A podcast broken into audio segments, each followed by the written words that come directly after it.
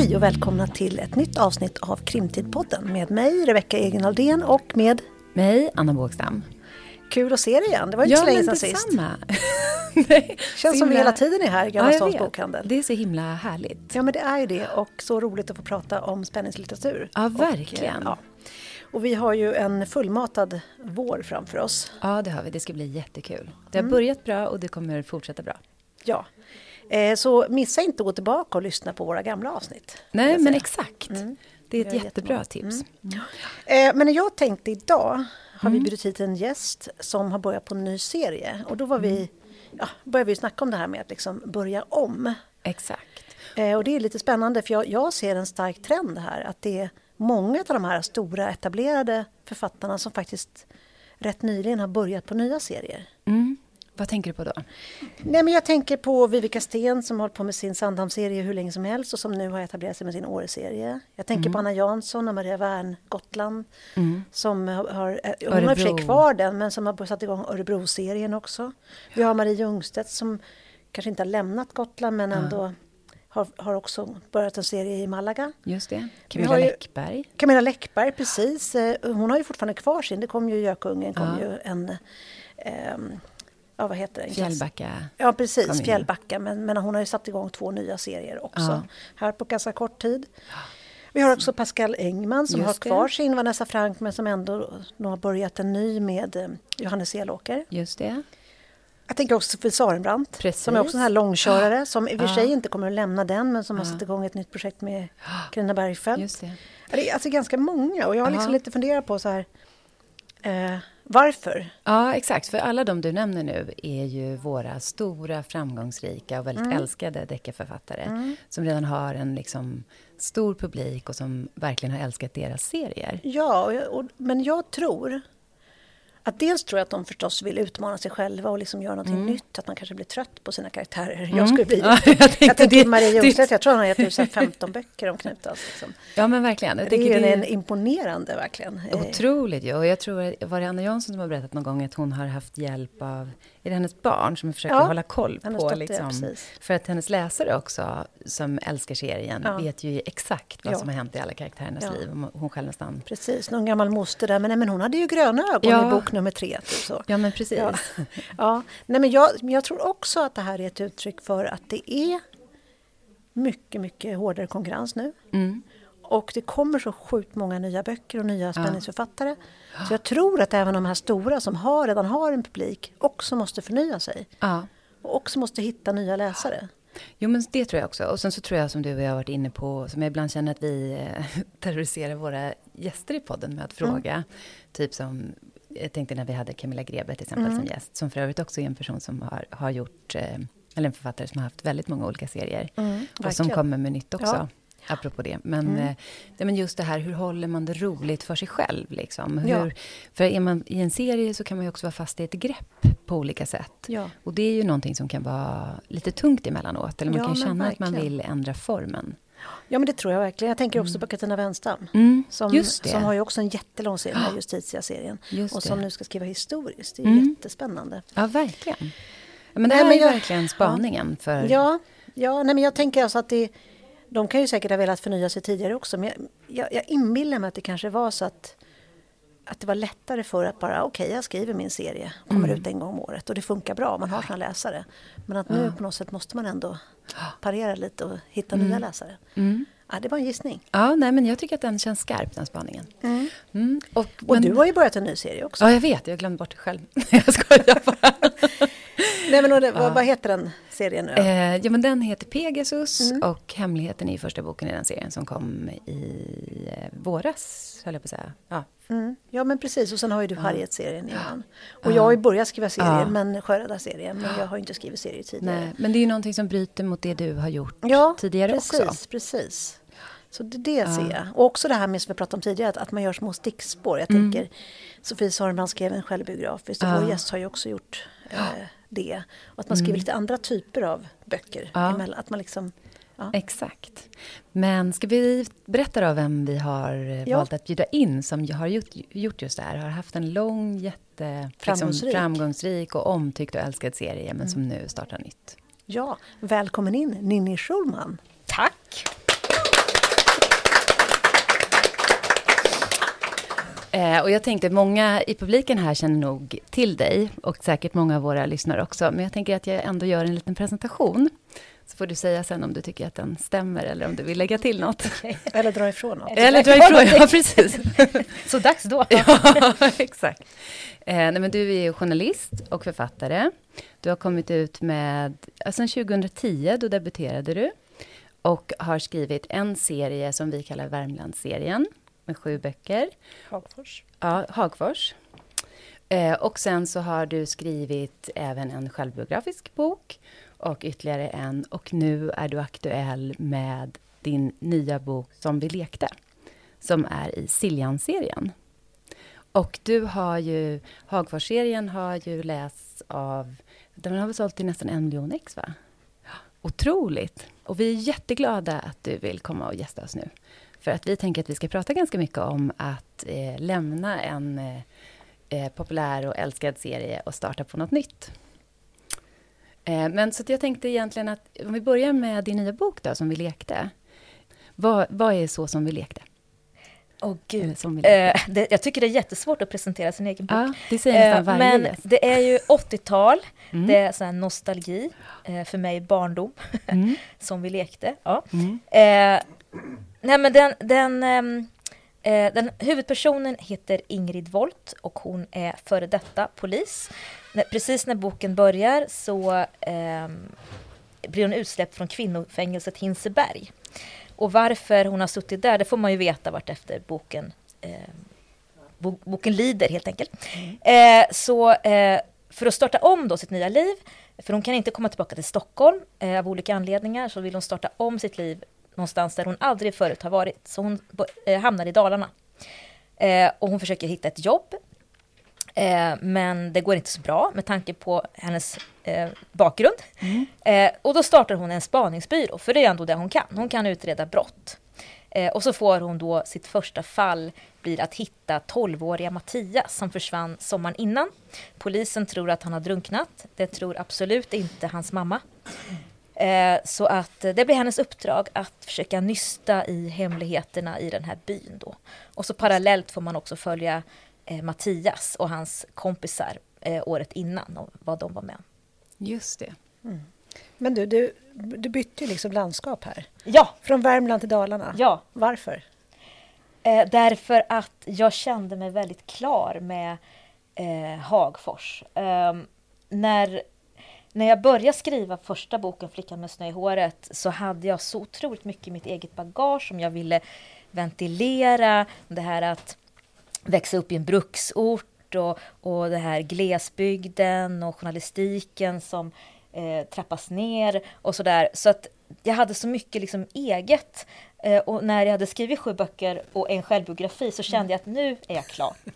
Nu har, jag sagt, bearbetat din Ja, exakt. Nu är jag klar. Så nu kan jag bara skriva det jag egentligen tycker är kul. Okej, okay, så det är ingenting som du ska bearbeta i den här nya serien? Nej, faktiskt inte tror jag. Jag tror inte det. Utan Nej. här har jag kokat ihop en soppa på saker som jag faktiskt vill skriva om, inte måste skriva om.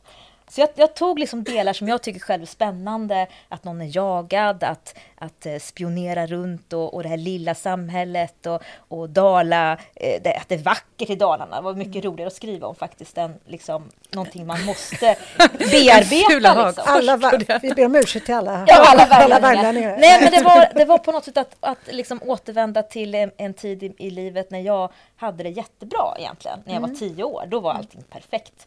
Eh, så att det här var liksom, jag kokade ihop en, en härlig lustsoppa liksom, eh, mm. som jag tyckte om att skriva om. Ja, det är ju jättespännande att det är just 80-tal. Mm. Och jag är, jag vet inte, jag tror att vi är ungefär jämngamla Jag tror det också. Mm. Ja. Och det, man känner igen så otroligt mycket. Och allt är så på pricken. Det är liksom de här blandbanden och det är shake och det är frisyrerna och kläderna och färgerna och allting sånt. Jag menar, det låter ju så självklart när man läser det. Men hur kom du, hur kom du ihåg allt det här? Hur gjorde du för att liksom gräva dig tillbaka till 80-talet? Eh, nej men det, det börjar med att jag sållar bort all modern teknik. Det kommer man ganska långt på. Att man måste ringa nummerupplysningen för att mm. få fram ett nummer till någon. Och då kommer man på det här att eh, rikssamtal det var dyrt. Så det ena är liksom det andra, man går in i den världen och så väcks saker till liv. Liksom. Eh, men sen så satt jag också mycket på Kungliga biblioteket och läste Mora Tidning från 82-83. Eh, och noterade precis var alla affärer låg och alla restauranger, så det skulle bli rätt. Och så, i de här tidningarna så fanns det också annonser. Och det väckte ju också jättemycket minnen av outfits så här inför skolstarten till exempel. Och sånt. Ja. Alltså, åh, man, man liksom kände de här luktsudden och man kände det, det, bara, papperna det, man skulle köpa för att liksom ja, slå in böckerna. Ja, ja, ja, allt! Och alla de här mintgrön, bara den färgen. Mm. det fick jag in på ett ställe också. Ja. Eh, nej men det, det, bara, det bara bubblade upp då på mm. något sätt. Och sen har jag också suttit och tittat mycket på Youtube-filmer.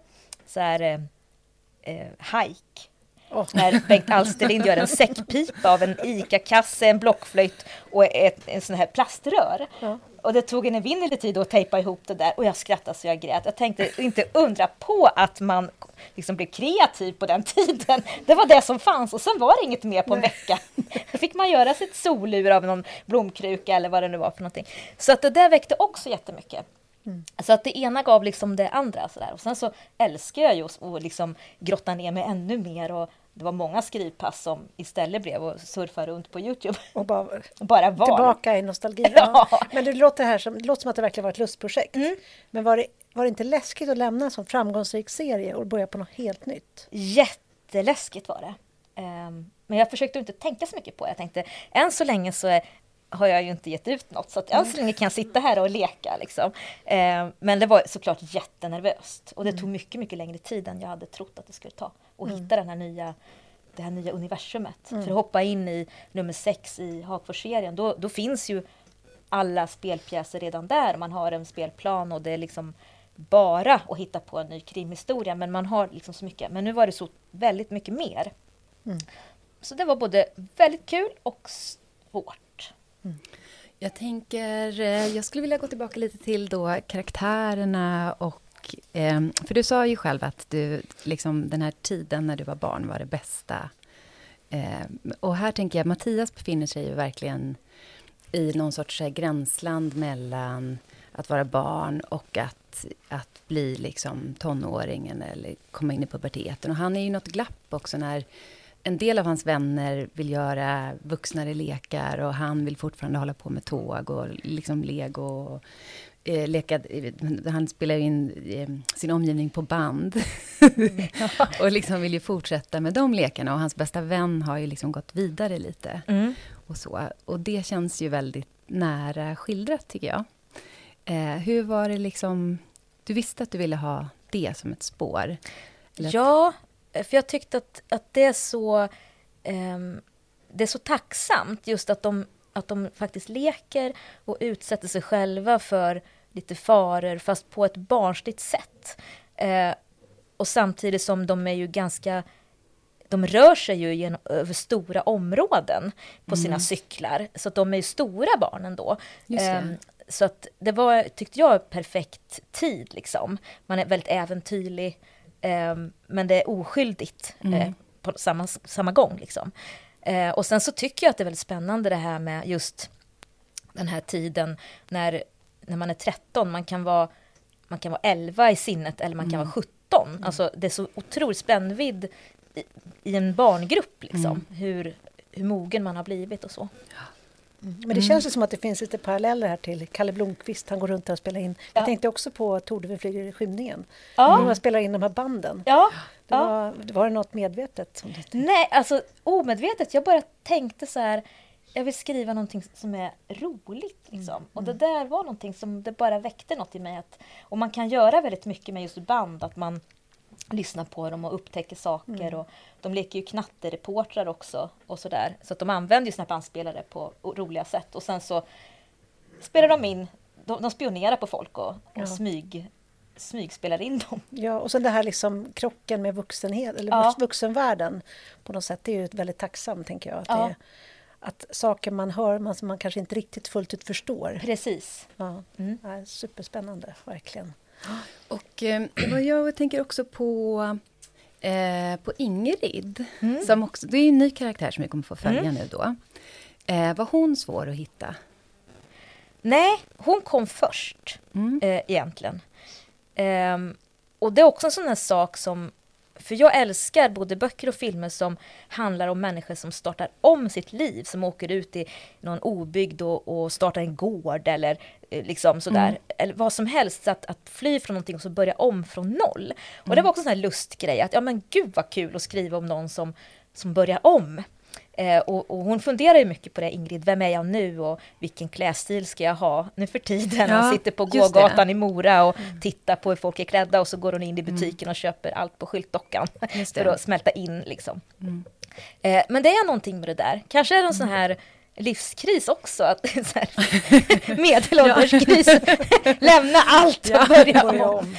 Ja, Något sånt, alltså en lek med mm. tanken och sådär. Att, ja, ja. Nu är ju inte, hon vill ju inte det här egentligen. Nej, precis. Hon börjar ju liksom anledning. ofrivilligt på ja, botten på något sätt. Men jag tycker det är kul att skriva om det, är roligt. Så. Mm. Men jag tänker också på att din Magdalena mm. i Hagforsen, hon är journalist. Mm. Och här har vi i och för sig en polis, men som inte kan jobba som polis. Är det också så medvetet att du vill inte ha liksom poliser? Exakt. Ja. Ja, jag förstod det. Definitivt. Nej, men, det var, jag, jag sållade bort det som jag tyckte var tråkigt i Hagforsserien att skriva om. Ja. Och det var det här polis, alltså eh, något har hänt och så samlas man runt ett bord och vad har hänt och så ska man kolla eh, telefoner och ska man prata med grannarna och så ska man kolla Facebook och så ska man kolla Instagram och, så, och jag blev så less på det. Mm. Jag, blev, jag, jag blev helt... 80-tal, 80 ingen polis. Nej, utan att eh, Ingrid får, får liksom rota runt lite själv mm. och så har hon ju Benny då mm. som en sidekick yes. som kan komma in. Han är ordningspolis, ingen mm. krimmare. Det tycker jag också är jätteskönt att han inte heller har massa möten och grejer utan han hjälper henne när, när det behövs för historien. Så att jag, jag, kände mig väldigt, jag hittade två karaktärer som jag kunde leka väldigt fritt med. Mm. Men de får ju till viss del eh, moraliska problem. Jag tänker att de har ju inte de här befogenheterna som Nej. poliser har. Eller åtminstone inte Ingrid. Nej, precis. Nej, precis. Det... För Benny och Ingrid har ju då jobbat tillsammans med mm. ordningspoliser i Stockholm förut. Så att Ingrid blir väldigt förvånad när hon möter Benny i Mora, där hon inte tror att hon ska känna någon. Eh, och, eh, och Benny blir väldigt förvånad över att Ingrid inte håller sig till lagen längre. Mm. Hennes Förut, nya Ingrid. ja, nya Ingrid. Eh, hon, hon har liksom, I fängelset så har hon lärt sig att det finns en eh, juridisk eh, moral och så finns det en, en verklig moral. Eh, och ibland så kräver verkligheten att man går över vissa gränser, vilket Benny blir väldigt irriterad på och mm. förundrad över, för att det inte är riktigt samma människa. Och hon är ju inte samma människa heller som när hon mm. kom in i fängelset som när hon kom ut. Nej, och det tycker precis. jag också är lite, det, det, var roligt också att skriva om mm. deras konflikt mm. eh, som finns där. För han är fortfarande väldigt så, mm. det finns regler att följa här. det tycker inte hon riktigt. Nej men precis, jag tänkte ju när jag läste den också att det var så himla smart val när man skapar en karaktär med hennes bagage och mm. att hon i fängelset har ju hon verkligen lärt sig hur man överlever. Alltså jag tänker med liksom rutiner och hur tar man sig vidare och hur eh, liksom, hur får man ändå tillvaron att fungera trots att man befinner sig i en så förfärlig situation. Mm. Och sen har hon ju ett kontaktnät där, som, där hon har lärt sig liksom dyrka upp dörrar. Och... Ja. Hon är väldigt bra på att dyrka upp dörrar, ja, kan vi konstatera. Det är ju oerhört användbart. Ja, ja, hon är magisk på det. Ja, ja, visst. Mm. Eh, så att, eh, jag tänkte ju så här, gud vad, det var ju smart och bra. Eller liksom, hon har ju, hon har ju fått gått en bra skola liksom för att bli... Ja, jag tänker ju också att hennes kontaktnät på Hinseberg kan mm. komma till pass i Just det. Böcker. Ja, mm. tänker jag också. kan behöva det ena och det andra. ja, och det är också spännande med hela den här bakgrundshistorien. Mm. Med varför hon mm. hamnar i fängelse och det, vi ska inte spoila något, men det är ju en cliffhanger på slutet. Ja, är så. Mm, en rejäl sådan. Mm. Eh, nej, men alltså, det är också något, man känner att det kommer bli en lång båge mm. över flera, eller jag gissar. Ja, du gissar bra. är det så att du undervisar i krimskrivning? ja, jag har två elever här. Ja. För detta elever. Ja, ja, eh, ja nej, men hur många delar har du tänkt att det ska bli? Vi har sagt en trilogi till att börja mm. med. Men mm. sen beror det på hur kul jag tycker att det är och hur kul läsarna tycker att det är. Det kan ju bli fler ändå, men just nu tänker vi bågen över tre mm. i alla mm. fall. Får vi mm. se om vi kan hitta fler bågar och spänna till ja, fler böcker. Ja, gud vad mm. kul. Men men vad kände du då när den här kom ut? Var du, för det har ju gått så fantastiskt bra, men det visste du inte. Nej, det ut. visste jag verkligen inte. Men kände du så här, det trygg när, du, liksom, när den låg där på, i bokhandeln?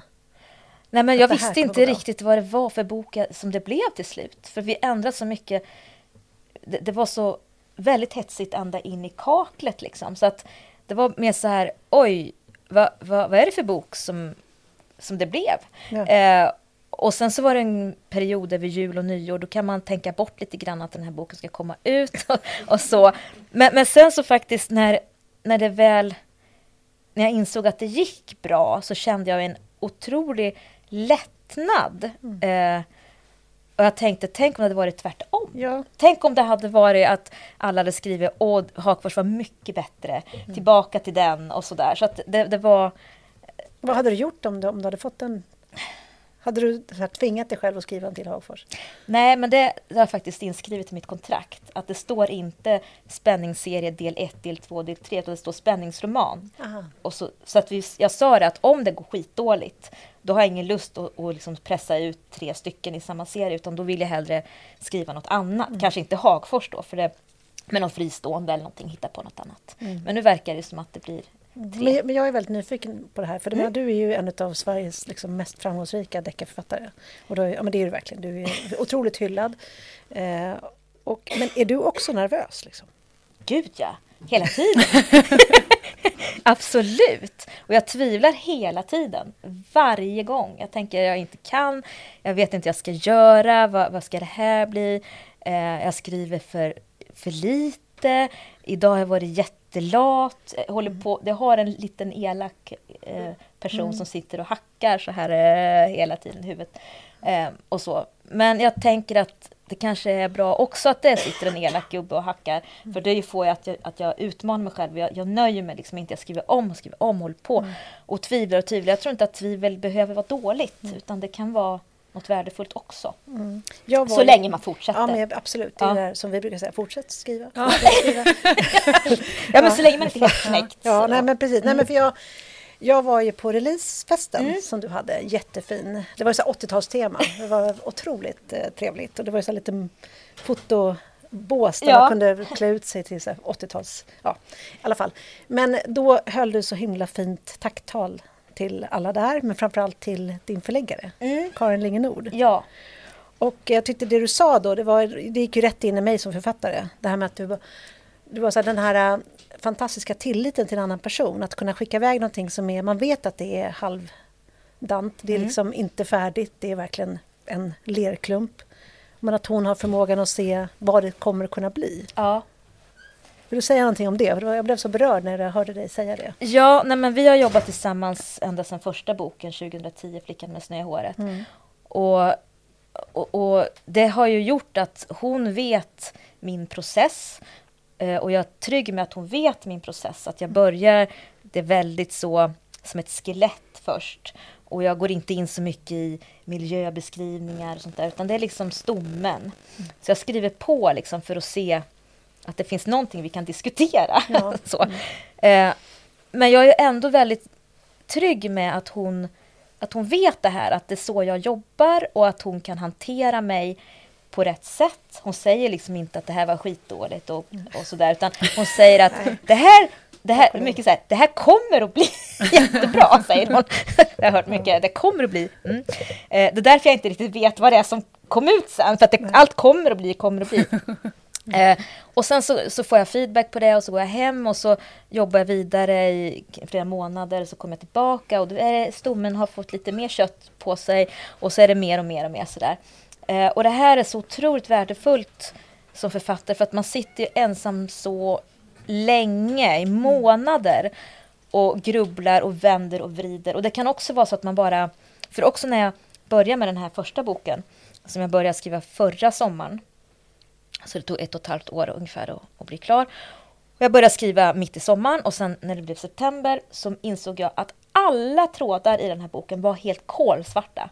Det var så mörkt.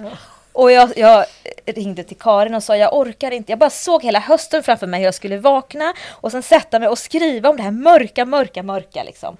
Eh, och, eh, för i den första vari varianten så var Ingrid rädd från början när hon kom ut. Aha. Mm. Konstant rädd. Mm. Och det, var bara, det var bara hemskt. Ja. Från, från början till slut. Allt var kolsvart. Och så, och så sa Karin, nej men kom hem till mig så fikar vi så pratar vi.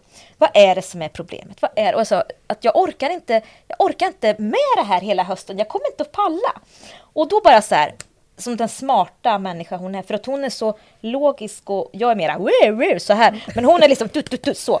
Och så på en kvart så hade hon liksom sållat bort det här mörka. Hon sa att först så är Ingrid inte alls rädd utan hon känner sig fri och hon det är kontrast mellan fängelset och hon städar och fixar och så träffar hon lite folk och sådär. Och, och sen så fick jag ju skriva om då en del. Men då bara vände det så här. Eh, så att hon fattar precis vad det var och så sparar vi lite mörker till nästa bok. Ja. man, kan inte, man måste portionera ut det. Och sen så hade jag jättekul under hösten. Eh, fast det tog lång tid och sådär så vi fick skjuta upp utgivningen lite. Eh, vilket var jättebra. Men, men det är liksom en lång process och hon finns där hela tiden.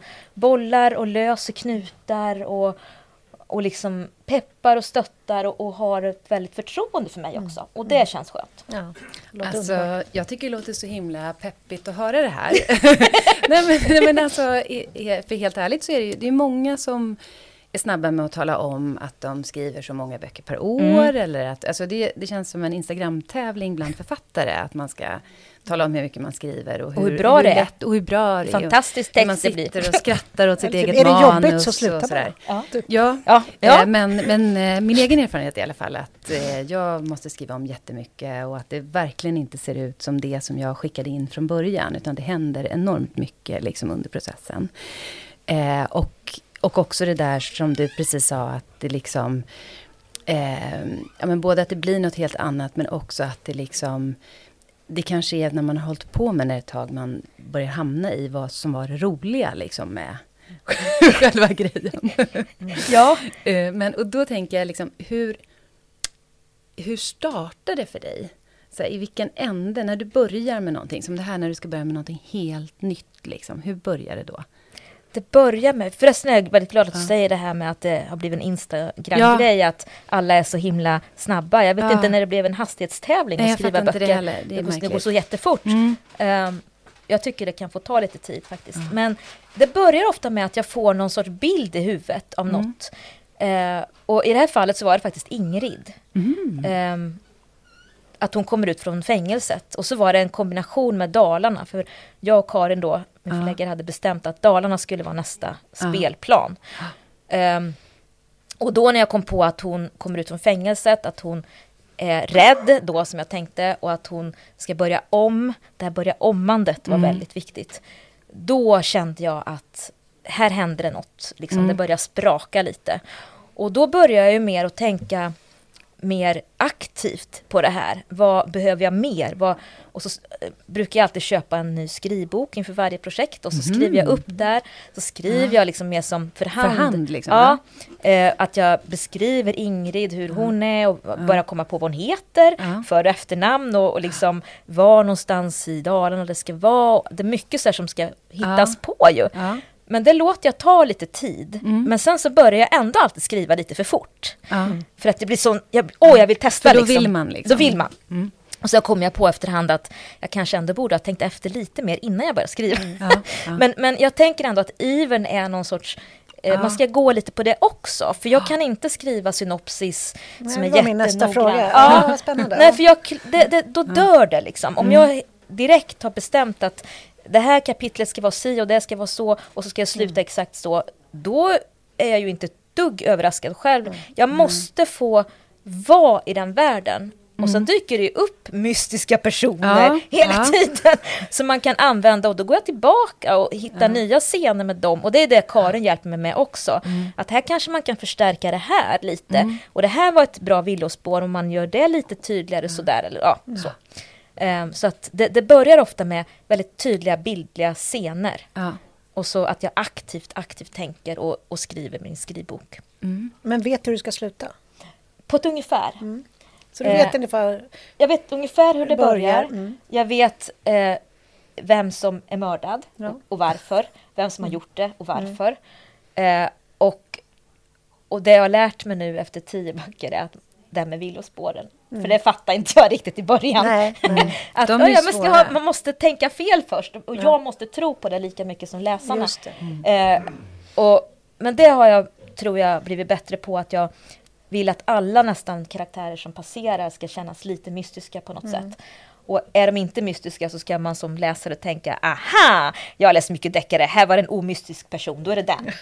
Eh, man ska liksom lura, lura, lura, lura. Eh, så att det försöker jag, så, så skriver jag ner liksom villospår och så gör jag en lista på dem eh, som jag kommer på innan jag faktiskt börjar skriva. Men sen dyker det upp ännu fler villospår och så håller man på att laborera lite mm. med dem. Mm. Men det här laborerandet behöver jag för att det är det som är det roliga. Ja, men, jag, jag vet jag, jag, känner, ska. jag känner igen det precis här ja. jag gör också. Ja, det gör så. Ja, ja. Men alltså det jag försöker göra ett ordentligt synopsis. Ja, jag försöker, i alla fall. Ja, jag tänker så nu måste jag göra det här på, som andra gör, ja. på bra sätt så här, men jag kan inte det. Nej, alltså jag nej. tänker, skitsamma. Det, ja. Nej, men det var ju som Camilla Sten sa förra, mm. förra avsnittet, att man, man är trädgårdsmästare, man slänger ut lite, ja. lite frön och så får de växa. Ja. Och så ser man, ja, det här var något jag kan använda. Ja, men exakt, exakt. Men du, vilken fas är du mest förtjust i då, utav liksom skrivandet?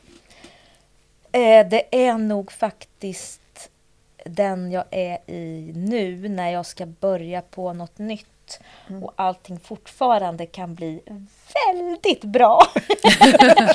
det kan bli världens bästa ja, bok. Ja. Och sen så sätter man så skriver och så märker man att det här blir fortfarande inte världens bästa bok. Men det är ganska mm. kul ändå att hålla på. Mm. Eh, för det, det är ju härligt att hitta på de här världarna och mm. vara i dem som en parallell parallellt universum. Jag gillar inte tiden mellan böcker, för då, då är det så mycket annat man måste tänka på. Ja. Som vad då? Som krig och inflation ja, du menar så. och en massa saker. Ja. Jag Nej, men jag tillbaka in i min värld. Ja, jag vill tillbaka till 80-talet, det är mycket roligare. Ja. Men, ja, men för nu, nu är du inne då, nu är du fast i serieträsket mm. igen, mm. kan man säga. Men ha, du har liksom en idé om vad som kommer hända i tvåan och trean, eller? Ja. Um, just nu håller jag på att fundera mycket på krimdelen, för det är den jag mm. inte har klart ja. riktigt. Men jag vill ju fortsätta med Ingrid och mm. hennes mm. försök att få tillbaka sin dotter. Ja, och så den här cliffhangern som... Mm. Mm. Exakt, är, vi kommer ja. inte nämna. Nej, nej precis. Eh, och, och liksom Benny och mm. deras relation. Och, eh, Så att jag är ju, jag är ju jätte jättetaggad på att börja skriva faktiskt. Mm. Det är nog första gången som mm. jag är så Gud, taggad. Vilken skön känsla. Ja, det är, För det är inte alltid man är det när man nej, är klar. Nej, nej. Och det kommer gå över. Det ja, kommer gå ja. fortare kvickt. Bara jag börjar så går det över. Men jag kämpar på. Nej, men det, det är liksom varje dag någon gång så känns ja. det ju kul. Mm, men det känns kul. ju inte kul hela tiden. Nej, nej. Men jag tänker, du har redan gjort en serie. Ja. Har du lärt dig någonting där som du tar med dig nu? Alltså typ, åh, jag gjorde det där misstaget i Hagfors-serien, att jag stängde den dörren eller något sånt där som du liksom som du har med dig nu när du skriver den här? Nej, det jag har lärt mig att ta med mig det är väl mer det här att jag på något vis vet lite mer hur mycket som får plats i en bok. Mm. Hur lång är en bok? Ja. Det hade jag väldigt svårt att förstå först. Ja. Eh, efter att ha skrivit så tidningsartiklar. så, och sen hur mycket, hur, mycket text, hur mycket kan man berätta i en bok? Mm. Och det tror jag att jag har lite... Och då skrev du för mycket eller för lite? Eller vad gjorde du? För lite, bara liksom... Jag, jag hade, det, det, blev så mycket text, jag tyckte det var jättejobbigt ja, ja. att hantera och veta. Mm. Men nu vet jag ungefär hur många ingredienser som måste vara med i den där soppan innan så att det inte blir för tunt eller för mycket, att det blir liksom 700 sidor, utan det blir ungefär. Så det har jag faktiskt, det tror jag att jag har lärt mig bättre. Och um, men, men det är nog ingenting som jag liksom riktigt ångrar med Hagfors-serien som så. Jag tyckte att det var... Spännande fråga, så vad ångrar du? Ja, nej, men inte... nej, men jag fattar vad du menar, ja. liksom, att, att det är någonting som jag borde ha tänkt på. Men grejen var att... att man kan ju skriva in sig, tänker jag, ibland i, i ett... återvändsgränder eller att man tar död på någon för tidigt kanske, eller sådär. Liksom. Det, vad vet jag. Ja, men en grej som jag ångrar lite, det är att jag lät Folke flytta till Karlstad. Det fattar ja. jag inte riktigt varför jag gjorde. Det var någon som sa på mitt förlag att ska inte Folke flytta till Karlstad? Ja, det kanske han ska. Och så gjorde jag det och sen bara, varför då? Ja. Folk och Jens flyttade till Karlstad. Det var, det var dumt. Ja, ja. Det kände jag så här, var, varför gjorde jag det? Det ångrar jag faktiskt. Ja, men ja. Så. Vad bra du frågar. Ja, eller hur, eller hur? Ja. Man ska lita på sitt hjärta ja. och inte gå vad någon annan säger. Jag tänkte på det du sa om att du eh, med en eh, del två nu håller på och letar efter krimdramat. Mm. Eh, och här till exempel handlar det om ett barn som försvinner. Mm. Vilket ju är det jobbigaste man kan tänka på om man är förälder. Mm. Och hur hittar du liksom krimdramat? Hur går det till då? Um, ja, det måste vara någonting jag vill att det ska vara att mordet ska vara någonting som man kan relatera till som vanlig person. Mm. Um, och att själva historien också ska kännas liksom att det skulle kunna hända vem som helst. Jag är inte så förtjust i eh, sån här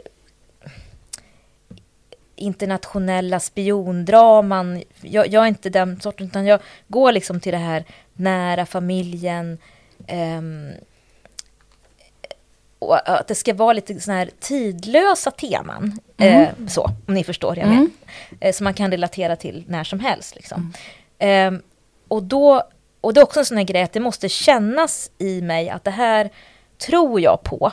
Inte att jag skulle kunna mörda för den här sakens skull, ja. men jag förstår ändå varför det här händer. Liksom. Mm. Och det är en jätteviktig grej, för annars så faller hela motorn för mig under mm. resans gång. Mm. Jag måste gå tillbaka till det ibland och bara, ja men det här, det är ändå rimligt liksom. Det finns någonting i det som gör att, att man kan förstå trots allt varför det här hände. Um, och det är det jag letar efter nu. Att jag, och då, då läser jag tidningar, jag, jag, ser, allt, jag har den här frågan i huvudet hela tiden, så allt jag ser, allt jag tänker, liksom går igenom det här filtret. Och sen rätt vad det är så hittar jag någonting som bara, det, det blir bra. Mm. Och det kan vara en bild, det kan vara eh, liksom något jag har hört om eller läst så. Men det måste verkligen pirra till. Det får inte vara för konstruerat. Mm. Så, så kan mm. jag säga. Mm.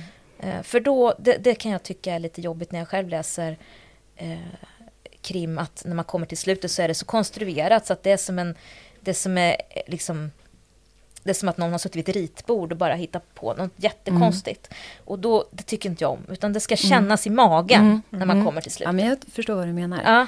Men det jag tänker på då också, känner du dig trygg med att du vet att det där kommer, det, det, där liksom, det kommer pirra till, jag kommer hitta det? För jag tänker att det, med, det som jag i alla fall tycker är så skräck när man eh, ska skriva en serie, ja. är att de ska komma ut med en viss takt. Ja. Och man liksom det finns någon sorts kravställning som ja. motverkar.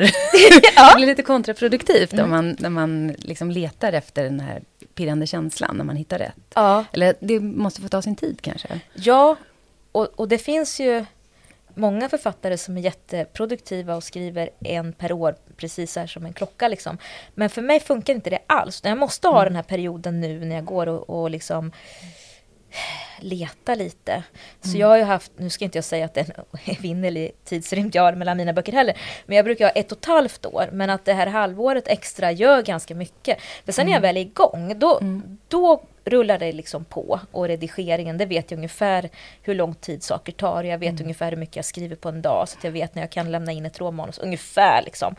Men den här um, tiden emellan, jag tror att det är det som är det är det som är skillnaden för mig, att, att det ska kännas lustfyllt mm. faktiskt och inte bara en snara om halsen. Liksom. Mm. Och du har inte känt något krav så från förlaget? Att, för det är så många nu som du säger, ja. kommer upp med till och med mer än en bok om året. Ja. Och du, att du känner liksom så här, jag borde också, eller att förlaget har frågat, skulle de kunna komma? Det är inte så? Nej, men nej, faktiskt. Och, och från början fanns det nog en förhoppning och önskan från förlaget att det skulle vara så. Men jag, jag sa att nej men jag, det går inte. Och nu är det mer sådär att min förläggare säger Ja, vad tror du själv om tidsplan? Mm. För att jag fattar ju att de frågar, för de har ja. ju en stor, det är en stor apparat med, med olika insäljningar och kataloger och det ska göras omslag och så. Så att det, det förstår jag, och läsa in ljudböcker det är också viktigt nu för tiden att man får. Um, men då, eh, så nu har jag sagt att min förhoppning är att nästa bok ska komma nästa vår, mm. typ maj eller någonting, april-maj. Och att jag ska lämna in någon typ av råmanus vid jul, mm. typ innan jul. Ja. Och, då, och då sa Karin att ja, men det låter bra. Ja. men sen så, som, som, du säger, det kanske blir så att jag inte kommer på något som pillar till.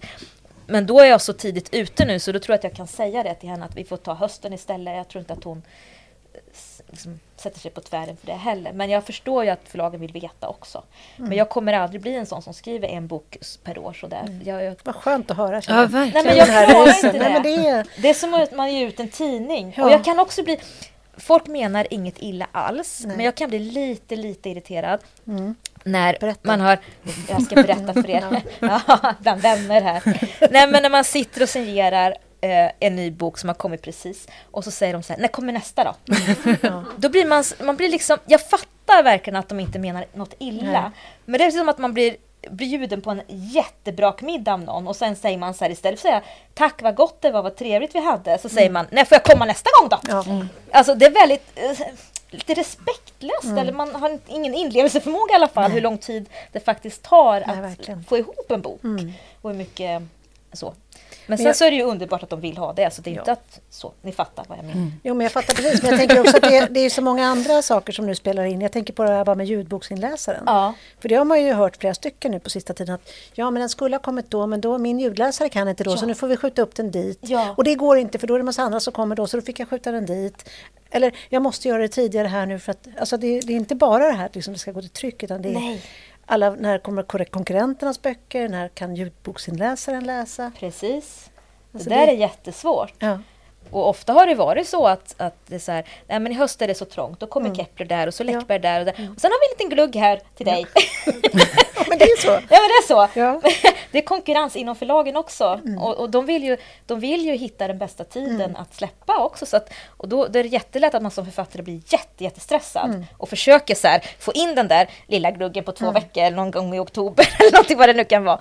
Ehm, och så. Men, men att ehm, jag tror att vi måste, vi författare måste bli lite bättre på att rycka lite i handbromsen också. För att jag tror att hela hela bokbranschen vinner på att det som kommer ut faktiskt är genomarbetat eh, och bra. ja, men verkligen, för det finns ju risk att vi stressar upp varandra också. Ja, och då sjunker kvaliteten Ja, och då ja. Mm. tröttnar folk till slut för att man hinner inte... Ja. Nej. Men alltså om du tänker, du, du debuterade 2010. Mm. Alltså, går det att säga någonting om hur, hur den här har utvecklats, bokbranschen, sedan dess? Hur var det då? Liksom? Jämfört med nu? ja, hur var det då? Nej, men då fick man ju de här ljudböckerna på såna här CD-skivor hem Ja, också, tio ja. stycken i en kartong Ja. som man gav bort till gamla människor som man kände som ville lyssna. Eh, och det här med ljud fanns ju men det var inte alls på samma Mm. sätt och pocket var ju en stor sak. Det tycker jag är en stor grej att då fanns ju riktiga pocketböcker i mataffärerna på ett helt annat sätt. För det minns jag att jag fick någon sån här otrolig känsla när jag såg min andra bok som Månadens pocket på, på Hemköp i Norra Ängby. Ja.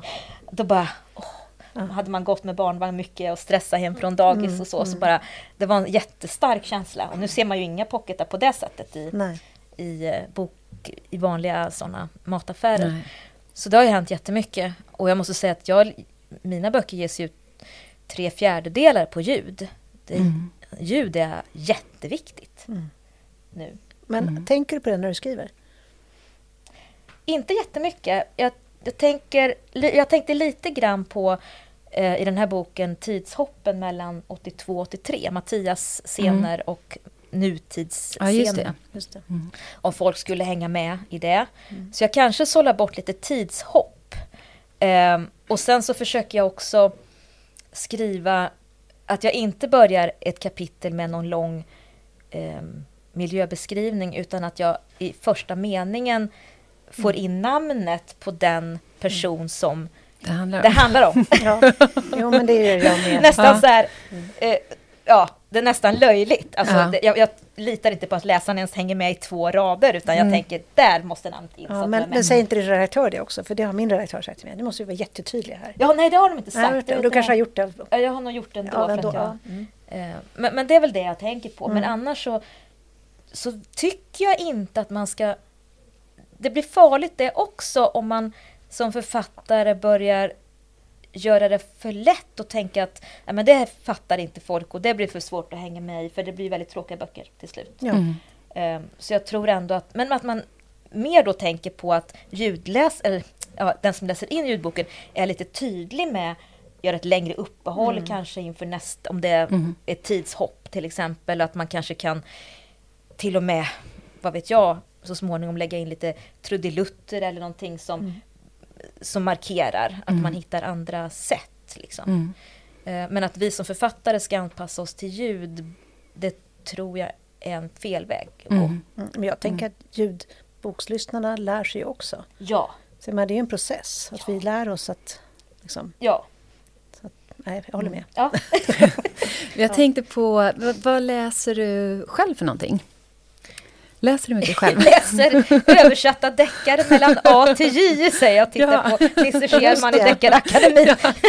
Just det, du är ju med där. Ja. ja. Ja, så att det är mest Mellan det. A till J, är det A ditt till J. Ja, Och sen så försöker vi komma fram till fem nomineringar där i slutet av året. och hur många är det ungefär då, mellan A till J? Ja, det är väl en, ja, kan det vara 50 stycken, någonting sånt där Mm. som det blir. Mm. Så att mellan oktober när, när det här är klart till nu så läser jag bara såna Mm. här romaner, Nobelpristagare och, och liksom så. Men nu börjar de ramla in igen, A till J-böckerna, så nu är det dags. Och så kommer någon jättebra på K, liksom, eller vad blir det? Ja. eller L. Men då, bara, då, då läser de andra det, så Ja. får jag väl den sen då. Ja.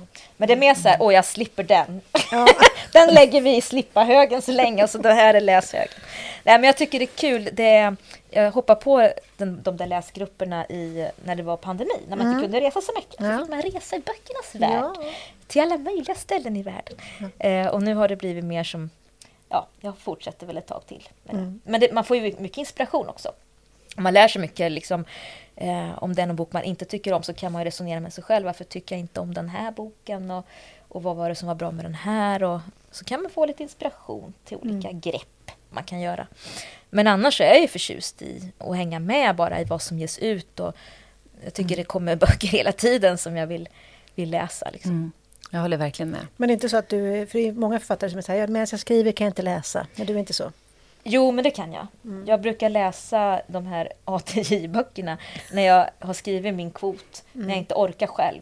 Då kan jag lägga mig på soffan och läsa och då känns det ändå som att jag jobbar lite. Så det är bra liksom för Jättebra. den här elakingen på, på axeln. Jättebra. Jag Men det jobbar blir- ideellt, Ja, säger jag till Ja, alla ja, som ja, undrar. ja, ja, visst. Jag sitter också i, jag sitter också i jurygrupp, Ja, så jag vet precis. ja, vet, ja. mm, visst, visst, det är bra för själen. Ja, eller hur? Men då jag blir lite nyfiken på det här med din kvot. Vad är din kvot? Eh, 6000 tecken om dagen. V- men vad, om, man inte, om man inte är inne i teckenvärlden? Ja. Så journalisten var ju För mig är tecken. det sten, Ja, vad- Hur översätter man det? Jag vet inte riktigt. Jag aldrig fattat. vad är det ett visst antal 2000 sidor då? ord? 2000 ord. Ja, vad är det? 1000, Sex 1500 sidor kanske? Ja. Något sånt där. Ja, ja. Men du har det liksom att du varje dag ska skriva Mm. ett visst antal Mm. sidor? Mm. Har du alltid haft så? Ehm, ja, men jag tycker att det är ett bra, ett bra sätt. För att om jag tänker att det jag skriver måste vara bra, Mm. då blir det ingenting. Nej. Utan det gäller att ha den där måttet. Det kan Ja. vara skit, Ja. men det är ändå 6000 tecken. Och någonting i det är ganska bra. Någonstans om Mm. jag skriver om det. Mm. Och jag kommer ju framåt i berättelsen när jag skriver. Ja. Och så skriver jag upp noga, noga i min skrivbok. Måndag, och så skriver jag eh, så här Du datum. för liksom nästan som att man Ja. debiterar tid eller så här, men du Ja, liksom... ja, mm. ja, och så ser jag så här, eh, 6000, eh, kanske 500 eh, eller 6102 tecken blev det, exakt. Mm. Och så totalt. Ja. Så här. Och sen så när veckan har gått då, så måste jag vara uppe i, det, det kanske, jag kanske inte kommer upp i 6000 varje vecka, men 25 000 tecken när det är fredag, Mm. då, Då får man ta ett glas vin, typ. ja! Ja. Eller läsa Och då känner jag mig jätteduktig. Ja. Här, ja, nu är det fredag för författaren, Men- nu får jag ta Ja, men jag, och det måste ju vara, för jag tänker ju också eh, när liksom författarskapet är också yrket, eller vad man ska säga, Ja. så måste man ju ha liksom någon sorts...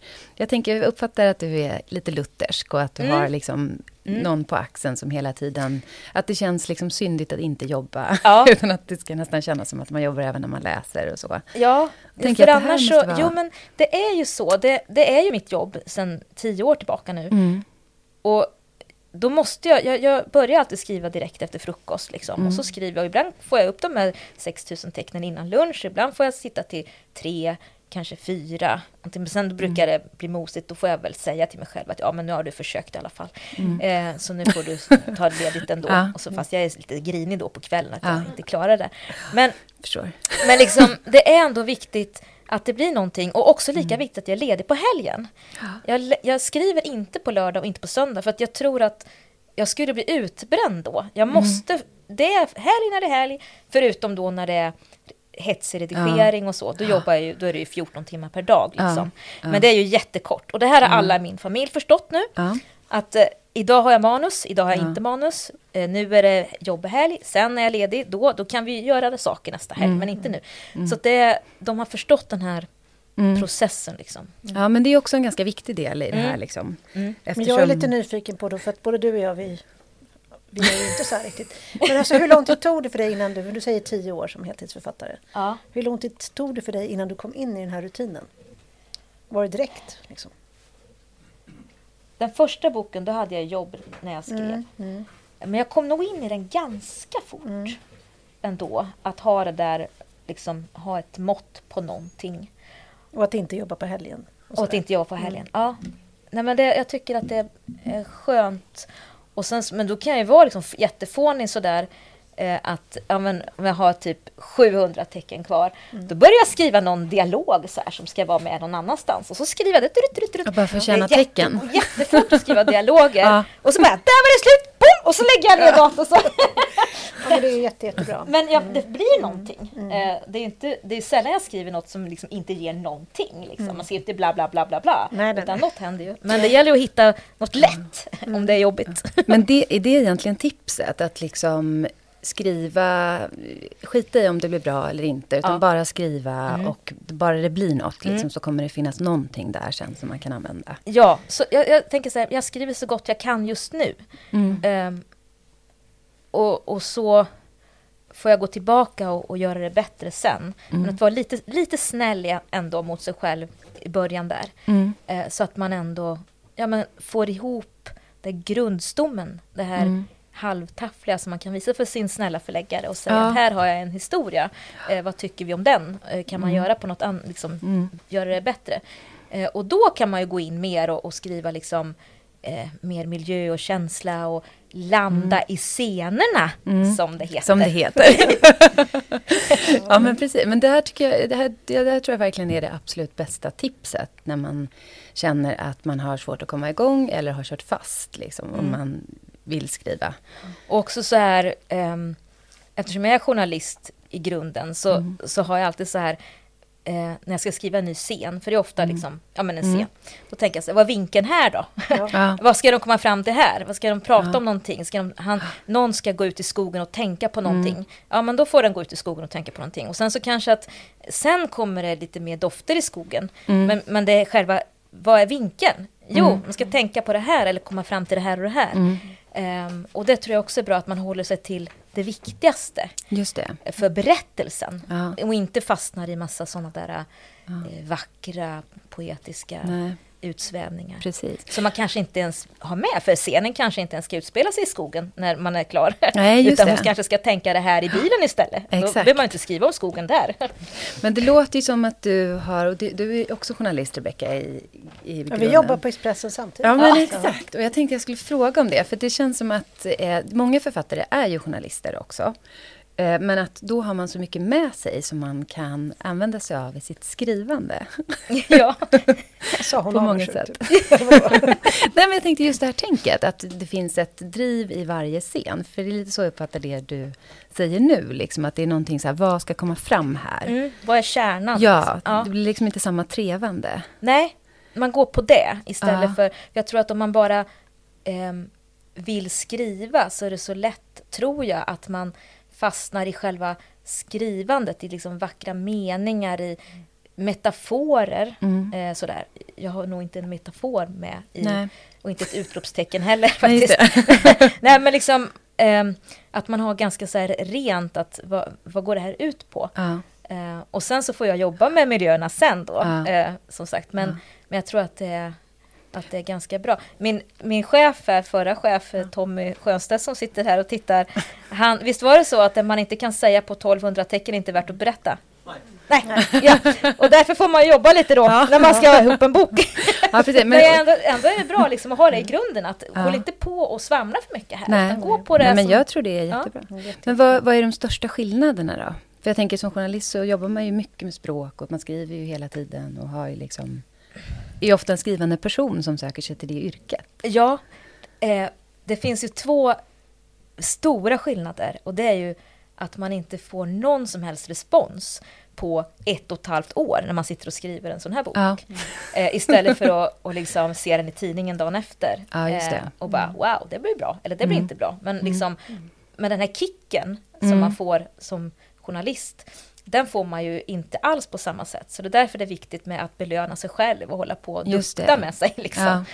Och sen också den här textmängden som blir. Mm. Eh, jag tycker att det är lite jobbigt med redigeringen när det blir när det är 400 A4-sidor. Ja, ja. Det, det, är liksom, Det är så mycket så att man det är så mycket så att panik. man bara... Jag beundrar de som är redaktörer som sitter med Mm. här lunter hela tiden. För när man skriver lite varje dag så fattar man inte riktigt hur mycket det faktiskt blir. Mm. Och då, då sitter man där med sitt och sen så, så bara, åh gud, och allt det här ska hänga ihop liksom. Och man ska tänka på att bilarna Mm. har samma färg och man ska tänka på att det inte upprepas och att det inte...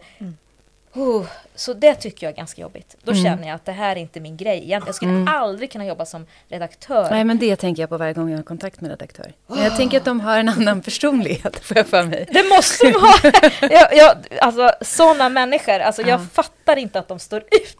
Nej, men inte jag. Och jag tycker ju ofta när man träffar redaktören att det Ja. är då de säger så här, "Nej, men nu den hade byxor på sig senast och där regnade det. Och varför, Ja.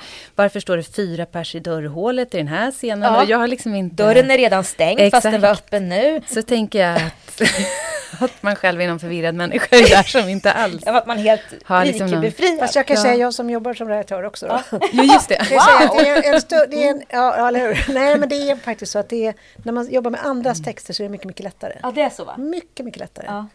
Eh, alltså det är så mycket lättare att se sådana saker i någon annans text. Och sen är man helt blind för sin egen text i alla Ja, fall och ja. behöver en, en Ja. redaktör. Så att, Jo, jag tror att det. ni skulle klara det jättebra också. Du tror det? Ja, det är jag Ja, helt ja. övertygad om. Det är också mycket lättare att säga någon annan så här, skriva om Åh, den här Det scenen. är så lätt. att att Varför göra- gör inte den gubben så? Varför Ja. gör inte den gumman så? Här Alltså, behöver det vi lite så- mer av det här. Ja, det är klart, det går ja. mycket fortare. Nej, men det är så, så mycket lättare. Jag tänkte eh, fråga, för du berättade ju för mig att du fick stryka 30 sidor. Mm.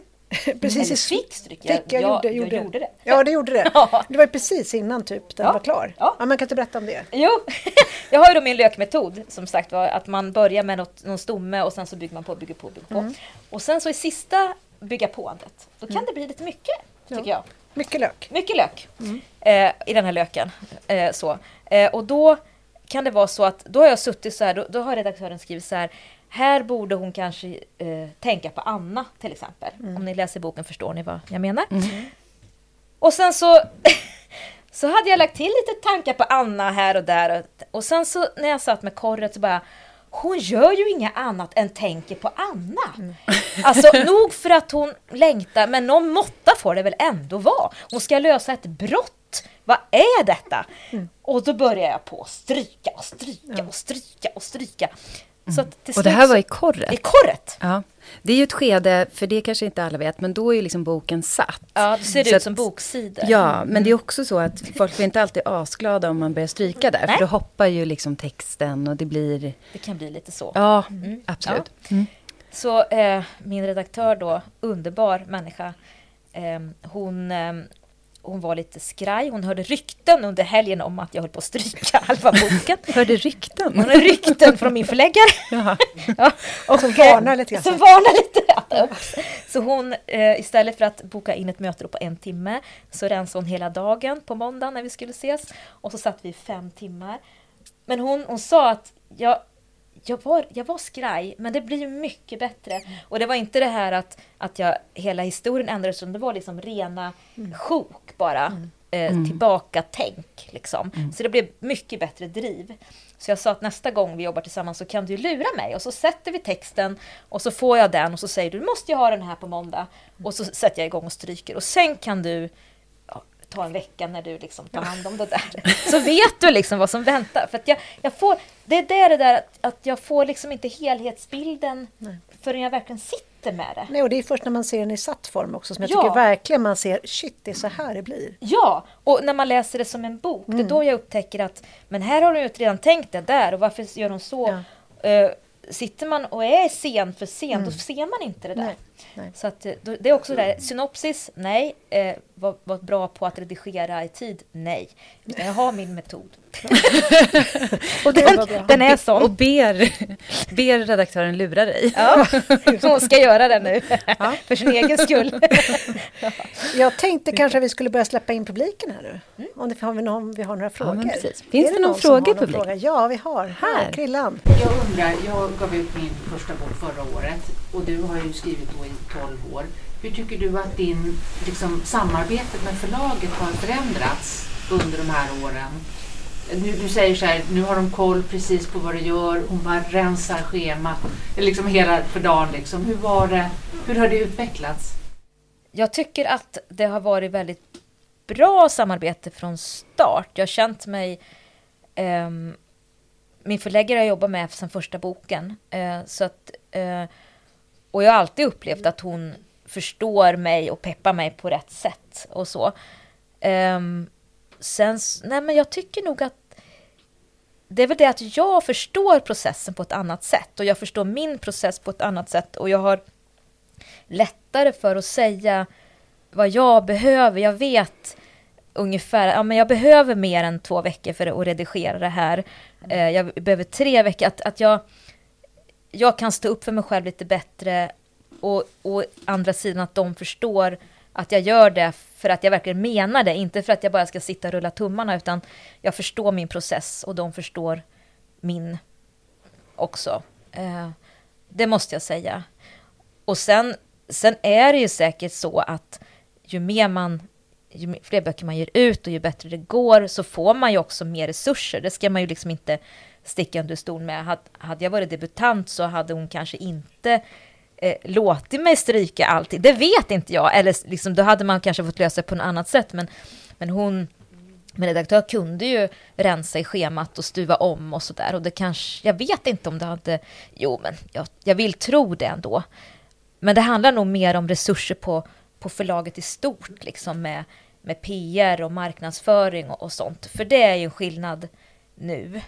Um, och så. Men, men just textarbetet är inte så jättestor skillnad faktiskt. Har vi någon annan fråga? När eh, bestämde du dig för att bli författare? Har du alltid drömt om det? Eller? Ja, det har jag. Ja. Jo, men det har jag gjort. Eh, absolut. Sen så var journalist, det är ju världens näst roligaste jobb med tanke på hur mycket man får vara med om och, och allting sånt där. Är spännande. Men jag tycker det är så roligt att hitta på. och få sköta sig själv. Hagfors-serien blev ju väldigt väl bemött. Kändes det som en bekräftelse då att du har bytt serie när den blev ännu bättre bemött, som vi lekte? Och sätter det en press på nästa bok? Eh, ja, det känns helt otroligt faktiskt eh, att eh, att, för jag menar Hagforsserien har ju gått jättebra och jag har fått jättefina recensioner och, och läsaromdömen och, och sådär. Eh, så det är klart att jag var livrädd att det skulle dippa och sen så nu jätteglad att, att det har gått ännu bättre. För det känns som att, att folk tycker att det är den bästa boken, eh, deckaren jag har skrivit. Och det, är ju, det, det känns ju skönt att den tionde blev den toppar de andra. Eh, det är bra också för 50-årskrisen. att, man har, att man faktiskt blir bättre med åren. Man lär sig efterhand. Så att det, eh, och det är klart att jag har ju jättemycket prestationsångest nu inför tvåan. Jag tänker ibland så här, hur i helskotta ska jag toppa den där? Vilka ingredienser ska jag stoppa i den? Men, eh, men just nu så känns det lustfyllt. Det hade varit värre om det hade varit tvärtom. Får man fråga, hur gör du för att liksom komma ifrån prestationsångesten? Och att den inte ska bli kvävande? eh, nej men faktiskt måste jag säga att när jag väl kommer igång och skriva så, så är jag bara i min bubbla, faktiskt. Jag sitter där och, och, och liksom är med den fantasin. Då, jag har jättesvårt faktiskt att förstå att den här boken har någonting som helst att göra med när jag satt hemma vid mitt köksbord med datorn och det här Word-dokumentet och, och, i mina tankar och allting, att det är samma sak. Mm. På samma sätt så, så boken nu som finns här och när man får recensioner och så, det är liksom en, en sak. Men sen när jag går in i det nya, då kommer jag glömma bort det. Mm. Jag, det, det, tror jag faktiskt. Ehm, att jag kommer göra. För då går jag in och, och leker liksom. Mm. Ja, Ja. leker mer. Då får vi säga tack till dig Ninni för att du kom hit. Ja, Tack för att jag jätteroligt. Tack. Tack. Och tack till Gamla Stans Bokhandel. Ja. Och tack till publiken som kom och lyssnade.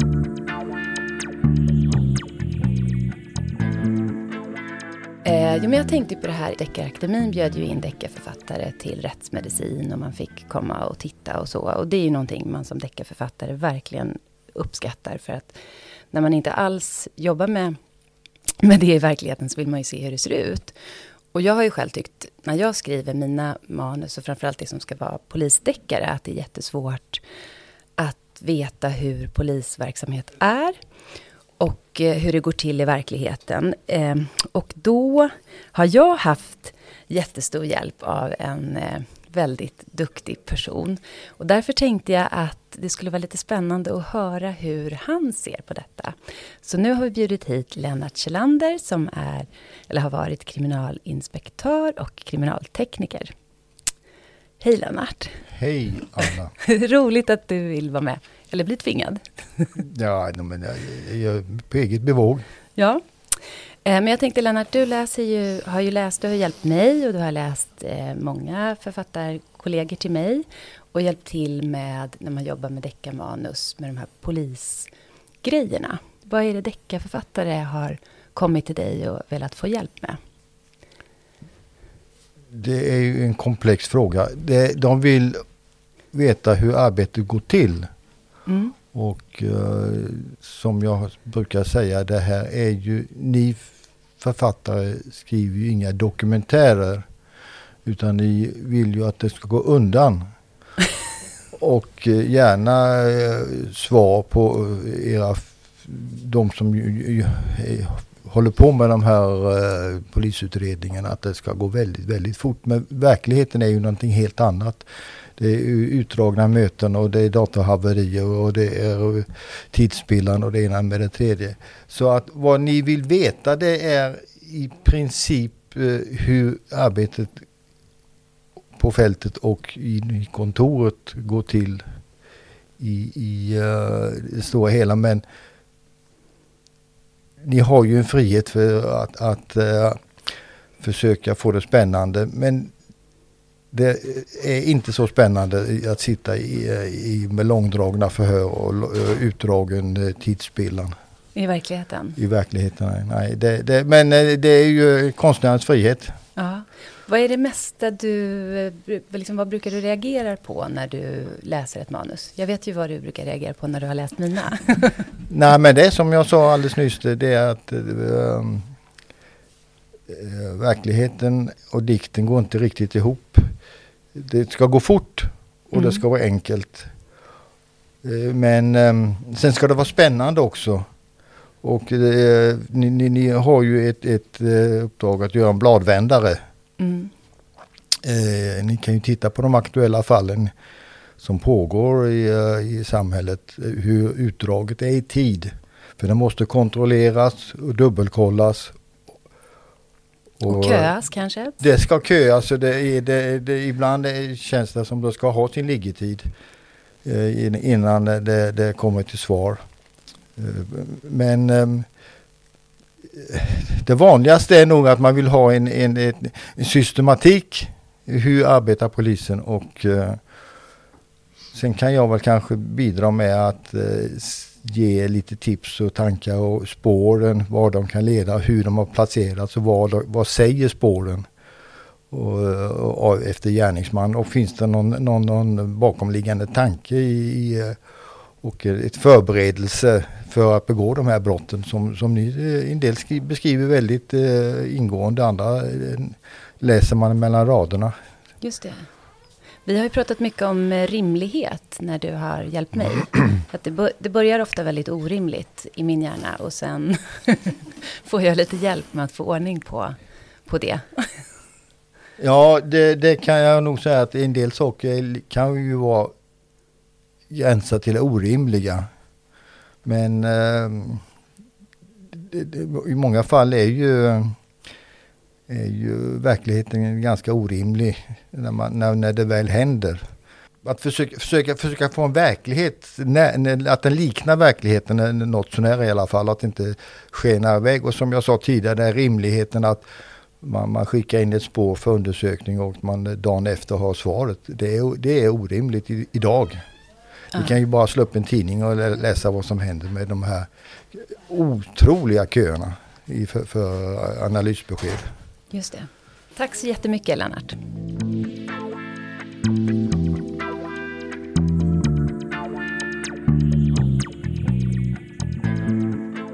Ja, men det här var ju jätteintressant. Som vanligt. Ja, men som vanligt. Eh, och det som är så kul är att vi ju redan nu vet vem som kommer bli vår nästa gäst. Ja, det var ju en som vi skulle haft faktiskt ja. förra året, men som det, det var sjukdom satte, ja, mm. satte stopp för det. Och det är ju Pascal Engman. Precis. Och jag är ju jättenyfiken på att höra honom berätta om research och alltid vara sådär up to mm. date mm. som han är. Jag med, det ska bli jättekul. Mm, och fram tills dess så kan man följa oss på vårt Instagramkonto. Precis, och där kommer vi lägga ut, eh, för att om man vill komma till Gamla Stans bokhandel och lyssna på oss live, eh, vilket jag tycker man ska göra om man är i Stockholm. Eh, och där lägger vi ut kommande inspelningar och tider och så. Så där ska man hålla uppsikt. Och det är Krimtidpodden som vi heter på Instagram. Ja, precis. Mm, så följ ja, oss där. Följ oss och hej då!